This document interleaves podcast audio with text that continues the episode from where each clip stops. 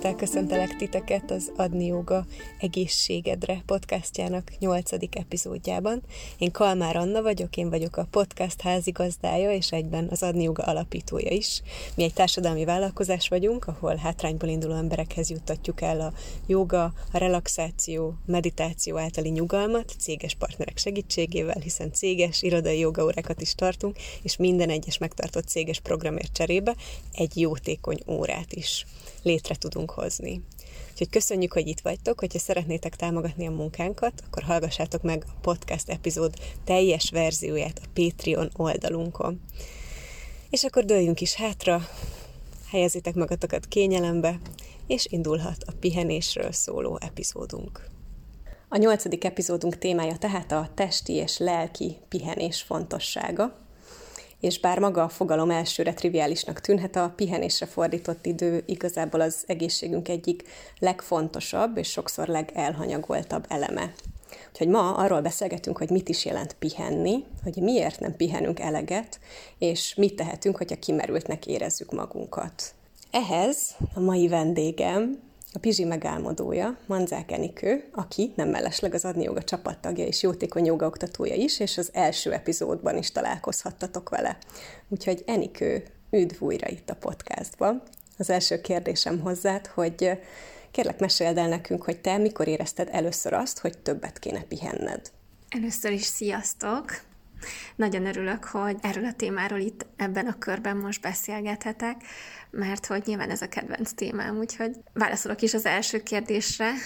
Én mindig nagyon szerettem pihenni, pontosabban aludni, kisgyerekkorom óta tényleg rengeteget aludtam, Viszont amikor bekerültem a munkavilágába, akkor azért viszonylag gyorsan kiderült számomra, hogy ha van egy munkám, akkor azt így mindenek fölé helyezem, vagy van, van dolgom, amit meg kell csinálni, Úgyhogy néhány év eltelt, mire ebbe így teljesen, ebbe a mókuskerékbe teljesen beleszaladtam, és tulajdonképpen abban az időszakban jöttem rá arra, hogy, hogy vagy hát egyszer felismertem azt, hogy ez így nem jó, de azért ez egy hosszú folyamat volt. Talán azt mondanám, hogy amikor már testi tünetei jelentkeztek a, a kimerültségnek, akkor kezdtem el gondolkodni azon, hogy vajon ez mitől lehet. Ugye kivizsgálások és egyéb dolgok következtek, és aztán rájöttem, hogy igazából még azokon a napokon is, amikor mondjuk többet alszom, vagy eleget alszom, előfordulhat, hogy egyáltalán nem vagyok kipihent, és akkor valahogy innen jött az, hogy elkezdtem ezzel a témával komolyabban foglalkozni. És innen mik voltak a következő lépések, vagy hogy történt az, hogy te a pihenés szószólójává, vagy most már mondhatjuk, hogy nagykövetévé álltál? Hát hosszú évek következtek, mert hogy nyilván az embernek van egy ilyen felismerése, de az nem jelenti azt, hogy megoldást is talál rá, vagy hogy tényleg elkezd vele konkrétan foglalkozni. Az első lépés ugye az volt, hogy a Pizsi elindult, ami már valahol így a pihenés szeretetéhez kapcsolódott, vagy ahhoz, hogy azzal a vízióval, vagy azzal a misszióval hoztam létre, hogy a pihenés fontosságát hirdetem, a minőségi pihenés fontosságát hirdetem. De azért én emellett párhuzamosan egy másik munkahelyen dolgoztam, tehát igazából totál túlhajszoltam magamat, és aztán pár év után, amikor már tényleg elérkeztem arra a pontra, hogy, hogy gyakorlatilag azt mondhatjuk, hogy kiégtem mindenféle szempontból, akkor ott hagytam a, a, az alkalmazotti státuszomat, tehát kiléptem a munkahelyemről, és vállalkozó lettem, és um, igazából én azt mondanám, hogy az első éve ennek a vállalkozó létnek ez tényleg a pihenésről szólt. Még ahhoz kapcsolódnék kicsit vissza, amit mondtál, hogy észrevetted, hogy voltak olyan napok, amikor mondjuk 8 órát aludtál, ahogy ez a nagykönyvben meg van írva, és mégse érezted magad kipihentnek. És akkor ez hogy van, hogy akkor kell pihenni, amikor fáradtak vagyunk, vagy más a rendszer ennek? Hát az első dolog, amire reagálnék, az a, az a nagykönyves mondatod. Mm. Mert hogy az az igazság, hogy már azt is megtanultam, hogy ez egy tévhit, hogy a nyolc óra az a nagykönyvben megírt Szent Grál és hogy attól majd mindenki, ha 8 órát alszol, akkor jól leszel. Egyrészt azért, mert nekem például a legtöbbször 8 óra nem elég, másrészt pedig azért, mert most már tudom, hogy ez nagyon változó az embereknél, tehát mondjuk általánosítva mondhatjuk, hogy a 8, általában 8 óra az embereknek elég, vagy mondjuk úgy inkább, hogy 7-től 9-ig, de, de van, akinek ennél sokkal kevesebb is elég, és van, akinek sokkal több kell. Visszatérve a fő kérdésedre, hogy mikor is kell pihenni, az igazság az, hogy nagyon sokféleképpen lehetünk fáradtak. Tehát attól, hogy mondjuk te keveset aludtál, attól lehet fizikailag fáradt, de nem biztos, hogy ha a következő napon sokat alszol, akkor kipihent leszel, mert lehet, hogy neked nem a fizikai tested az, ami éppen fáradt, vagy nem csak az, hanem akár mentálisan fáradtál el, akár, akár szociálisan fáradtál el, és még van ennek többféle fajtája, hogy hogyan tudsz elfáradni.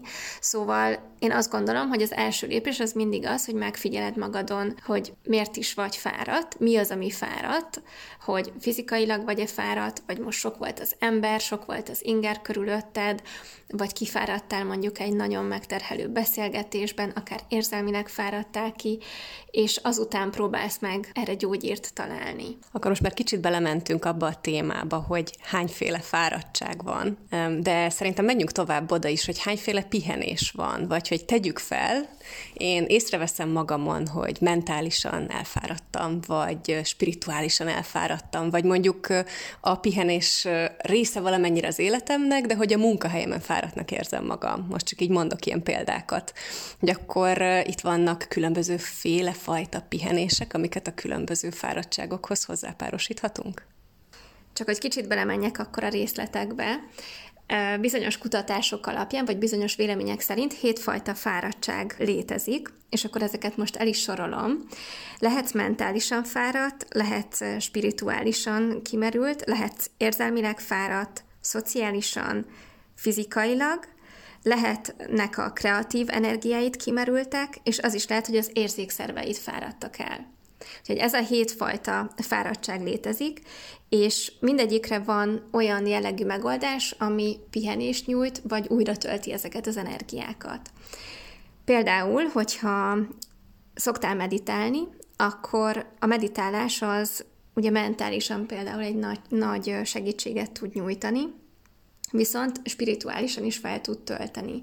Tehát a pihenési módok azok igazából többféle fáradtságra is megoldást tudnak nyújtani, hogyha ennek így van értelme. Vagy egy másik példa, hogyha elmész sétálni, akkor azzal bármilyen furcsa is, de fizikailag is pihensz igazából, viszont mentálisan is fel tud tölteni, és még az is lehet, hogyha egyedül sétálsz, akkor a szociális energiáidat tudod magadban újra tölteni. Sőt, tavasszal még lehet, hogy az érzékszerveidre is feltöltően fog hatni. Így van.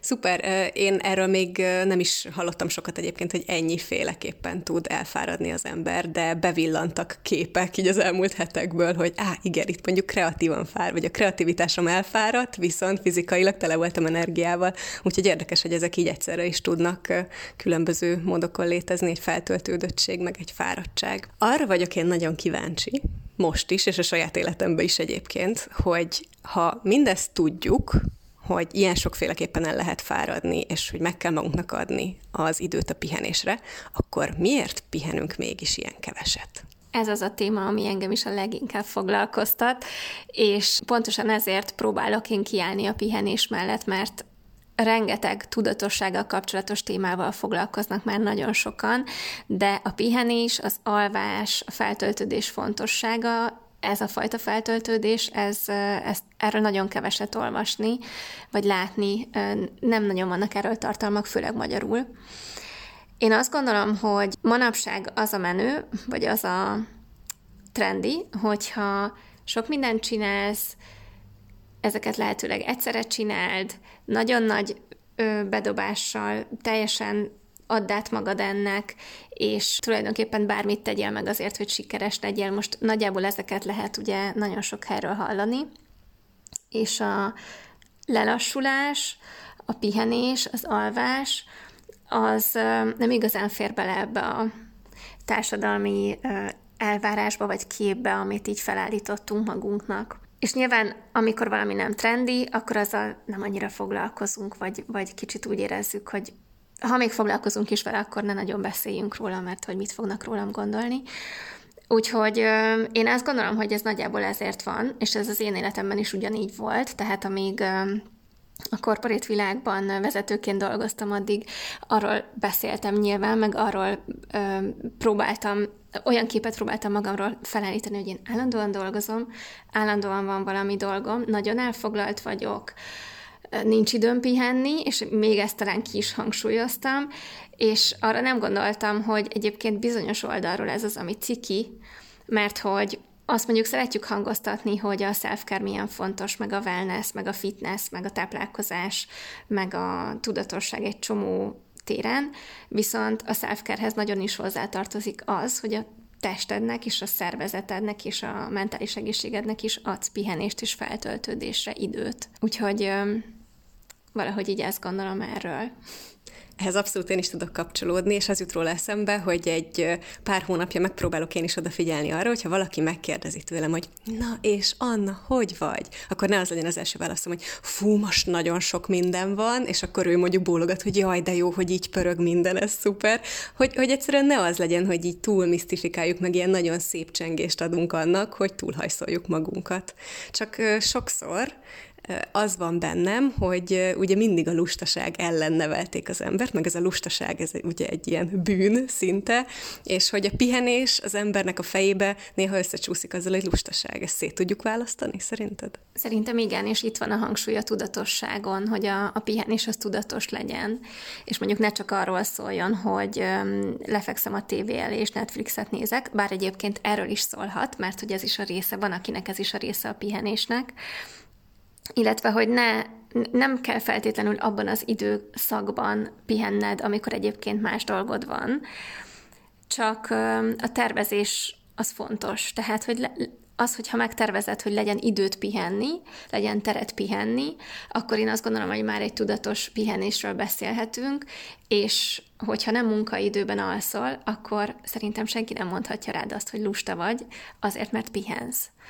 Hiszen annyira egyértelmű számunkra az, hogy mondjuk a telefonunk akkumulátorát fel kell tölteni, vagy a laptopunkat, vagy akár az elemeket, ugyanígy lemerülünk mi is. És hogyha nem pihenünk, akkor nem fogunk tudni újra töltődni.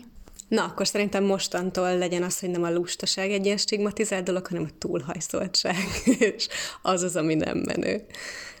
Ez szerintem ilyen emberi hozzáállással a kis saját buborékainkban lehet, hogy el tudjuk kezdeni megváltoztatni.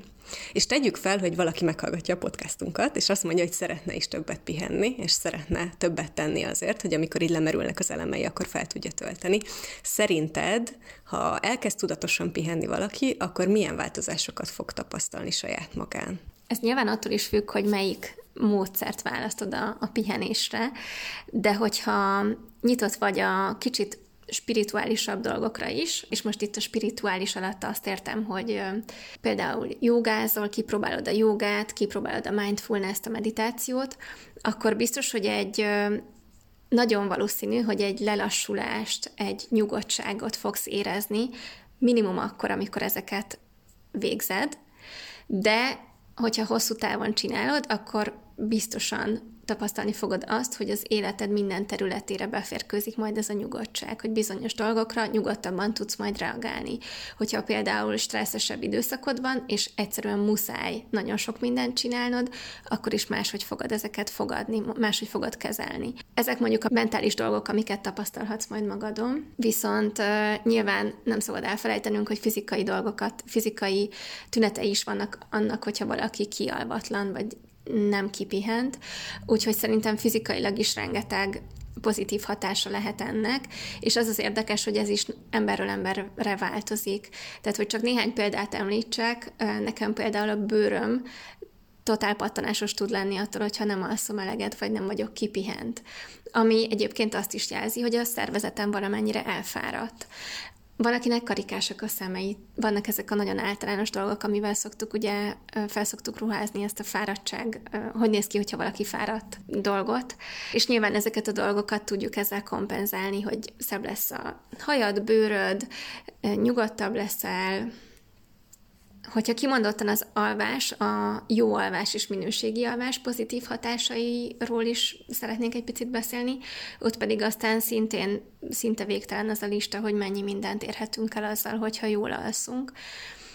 Sajnos nagyon keveset beszélnek például egy betegség kapcsán arról, hogy me- mekkora jelentősége van annak, hogyha jól és eleget alszol, de vannak ar- erre vonatkozó kutatások is például, hogy bizonyos daganatos betegségeknél mennyit segít az, hogyha az ember tényleg 10-12-14 órákat alszik egy nap, de ennél tehát ilyen messzire nem is kell, mert hogy már azt is bebizonyították, hogy a túlsúlyosság ellen is egy nagyon jó módszer, tehát tulajdonképpen a diéta része, hogy az ember jól és eleget alszik, a vérnyomás csökkentésre, és számos egyéb pozitív hatása van annak, hogyha az ember jól alszik, figyel magára, jókat pihen, és ezt igazából nem csak ő maga saját magán fogja valószínűleg észrevenni, hanem mások is észreveszik majd rajta, és másokkal is jót teszel, hogyha te kipihent vagy.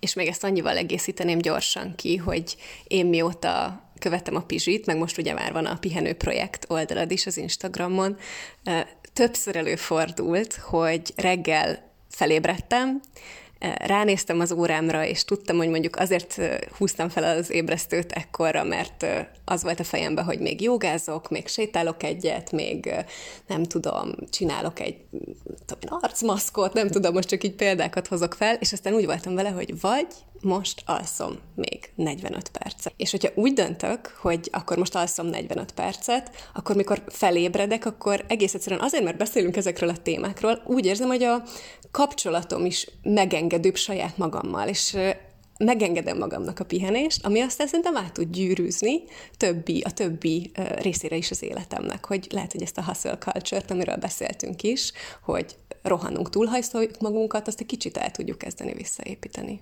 Fú, ennek nagyon örülök, hogy ezt így elmondtad, mert igazából pont ezért szeretek erről beszélni, hogy a lelkiismeret furdalást azt elkezdjük így megszüntetni magunkban, meg én elkezdjem másokban megszüntetni, hogy ne érezd már magad azért rosszul, mert többet alszol, vagy többet pihensz, akár mint az átlag, akár mint mások körülötted, mert mások vagyunk mindannyian, mindenkinek másfajta pihenésre van szüksége, és egyébként is nem szabad, tehát normalizáljuk azt, hogy pihenni kell, és pihenni szeretnénk.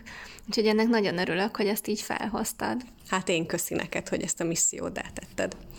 És még két dolog érdekelne nagyon ezzel kapcsolatban. Az egyik az, hogy mi van azokkal, akiknek mondjuk nehezebben megy az alvás, mint másoknak, mert azt tudom, hogy mi itt mind a ketten elég jó alvok vagyunk, nagyon szerencsések vagyunk, rajtunk máshogy jön ki a stressz, de ugye van, akin úgy jön ki a stressz, hogy nehezen, pihen, nehezen alszik egészen konkrétan, és van esetleg tippet, tanácsot, hogy ők mit csináljanak, vagy hogyan készítsék fel magukat akár arra, hogy, hogy egy kicsit jobb legyen a ma éjszakai alvásuk. Igen, nagyon sok tippem van arra, hogy hogyan lehet, de szerintem ami az első és legfontosabb, hogyha valaki krónikus alvászavarban vagy álmatlanságban szenved, akkor mindenképpen szak, embert keressen fel, vannak erre specializálódott orvosok, vagy akár pszichológusok is, akik tudnak ebben segíteni nem minden esetben van szerintem nagy lelki trauma mögött, tehát ö, abszolút lehet, hogy ez egy ö, ö, fizikai dolog, ami benned van, ö, mondjuk magas a vérnyomásod, vagy bármi olyan dolog van, ami megakadályozza azt, hogy könnyebben el tudja aludni de lehetséges, hogy egy orvos tud segíteni. Viszont, hogyha nem azt érzed, hogy extrém kiugró az eseted, hanem csak kicsit kevésbé könnyen tudsz elaludni, akkor visszatérve a legeslegelső kérdésedre, azt hiszem az első kérdésed volt, kezd el megismerni magadat, az, hogy egyrészt hogyan vagy fáradt, mert az is lehet, hogy azért alszol el nehezen, mert nem jókor fekszel le aludni, vagy nem jókor kezd föl. És ez az egész alvás téma ugye nagyon komplex és sok tényezős. Vannak különböző embertípusok, amiket kronotípusoknak nevezünk, az alapján megvannak az ajánlott időpontok, hogy mikor feküdj le aludni, mikor kelj föl, mikor egyél, stb. Viszont ami szerintem egy ilyen quick fix lehet, az az, hogyha az esti hát nevezhetjük rutinnak, mert az most olyan divatos szó, de hogy az esti, igen, az esti rutinodat, vagy a lefekvés előtti időszakodat, azt tervezd meg úgy, hogy ha lehet, akkor digitális eszközöktől mentes legyen, és lassulj le benne. És akkor itt van egy csomó trükk, amit be lehet vetni, például az, hogy elkezded minél hamarabb besötétíteni a lakást, vagy a szobádat, veszel egy meleg fürdőt, a testedet is felkészíted, a környezetet, környezetedet is felkészíted, mentálisan is felkészíted magadat, és ezzel kapcsolatban amúgy rengeteg tartalmat lehet találni az interneten, nálam is lehet már tartalmakat találni, de szerintem ezek a quick fixek, ezek már nagyon sok mindenkinek tudnának segíteni, hogyha ezt, ezzel foglalkozunk. Tehát, hogy ez tényleg, én azt gondolom, hogy az első lépés az az, hogy elhatározom, hogy, hogy foglalkozni szeretnék ezzel, mert hogy nagyon sok olyan embert is ismerek, aki nem alszik jól, ezt tudja is magáról, de nem foglalkozik vele. Pedig nem olyan nehéz. És a másik, amit meg szerettem volna hozni, egy párszor már emlegettük, az a jóga, ugye? Azért az Adni Jóga is, meg az Egészségedre podcast is sokszor a jóga témaköre körül forog, és mondtad, hogy lehet pihentető a jóga, de vannak, vagy nem tudom, minden jóga stílus pihentető például, vagy te ezt hogy látod? Szerintem nem minden jóga stílus pihentető. Én például részben ezért sem űzök mindenféle jogatípust, hanem én jobban szeretem a lelassulós jogákat, vagy jogatípusokat, és vannak kifejezetten olyan jogapózok is, ugye akár a hatha jogában is, amik, amiket mondjuk elalvás előtt javasolnak, mert mondjuk attól már elkezd lelassulni a, a tested, felkészülni, akár lehűlni a testhőmérsékletet, tehát olyan irányba viszi el a szervezetedet, ami már felkészít az alvásra.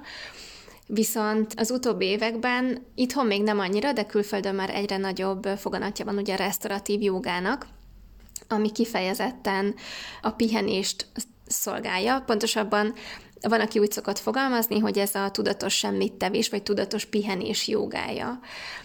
Nagyon röviden a restauratív joga egyébként arról szól, hogy öt kötőjel 30 percig tartasz ki, nem tartasz ki, bocsánat, hanem pihensz egy bizonyos pózban, ami egy kitámasztott póz, tehát különböző párnákkal, téglákkal, stb. úgy kitámasztjuk magunkat, hogy ez mindenképpen egy kényelmes, tehát tényleg kényelmes pozíció legyen számodra. Kicsit olyan, mintha ezekben a pozíciókban meditálnánk x percen keresztül.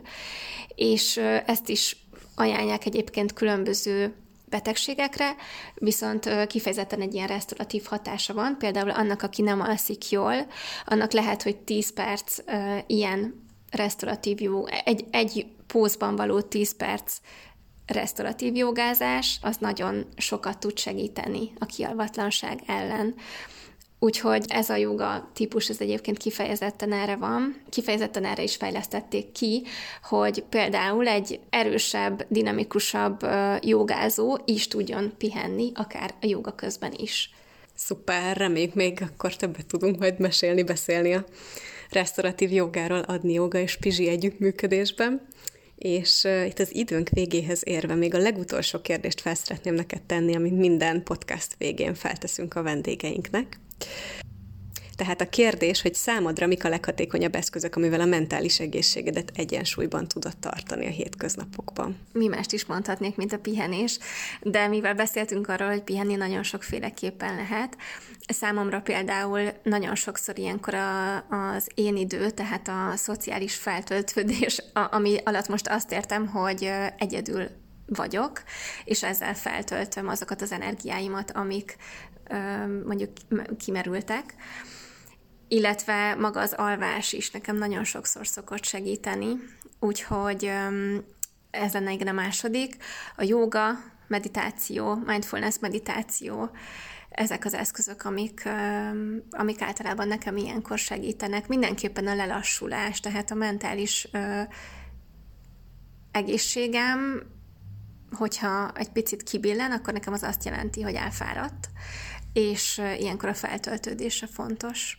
Szuper, hát nagyon köszönöm, Enikő, hogy itt voltál és elmesélted ezt a sok-sok dolgot, én mindenkit buzdítok, aki most hallgatja a podcastunkat, hogy kövesse be a Pizsit és a Pihenő projektet is, és arra is buzdítanálak titeket, hogy aludjatok egy kicsit hosszabban ma éjszaka, ha tehetitek, válasszátok ki, hogy számotokra mi az a pihenési forma, ami most a legrelevánsabb, és térjetek akár vissza ehhez a podcasthoz, hogyha kell majd egy kis inspiráció a jövőbe. Úgyhogy nagyon-nagyon köszi még egyszer, Niki, hogy itt voltál velünk. Köszönöm én is, sziasztok!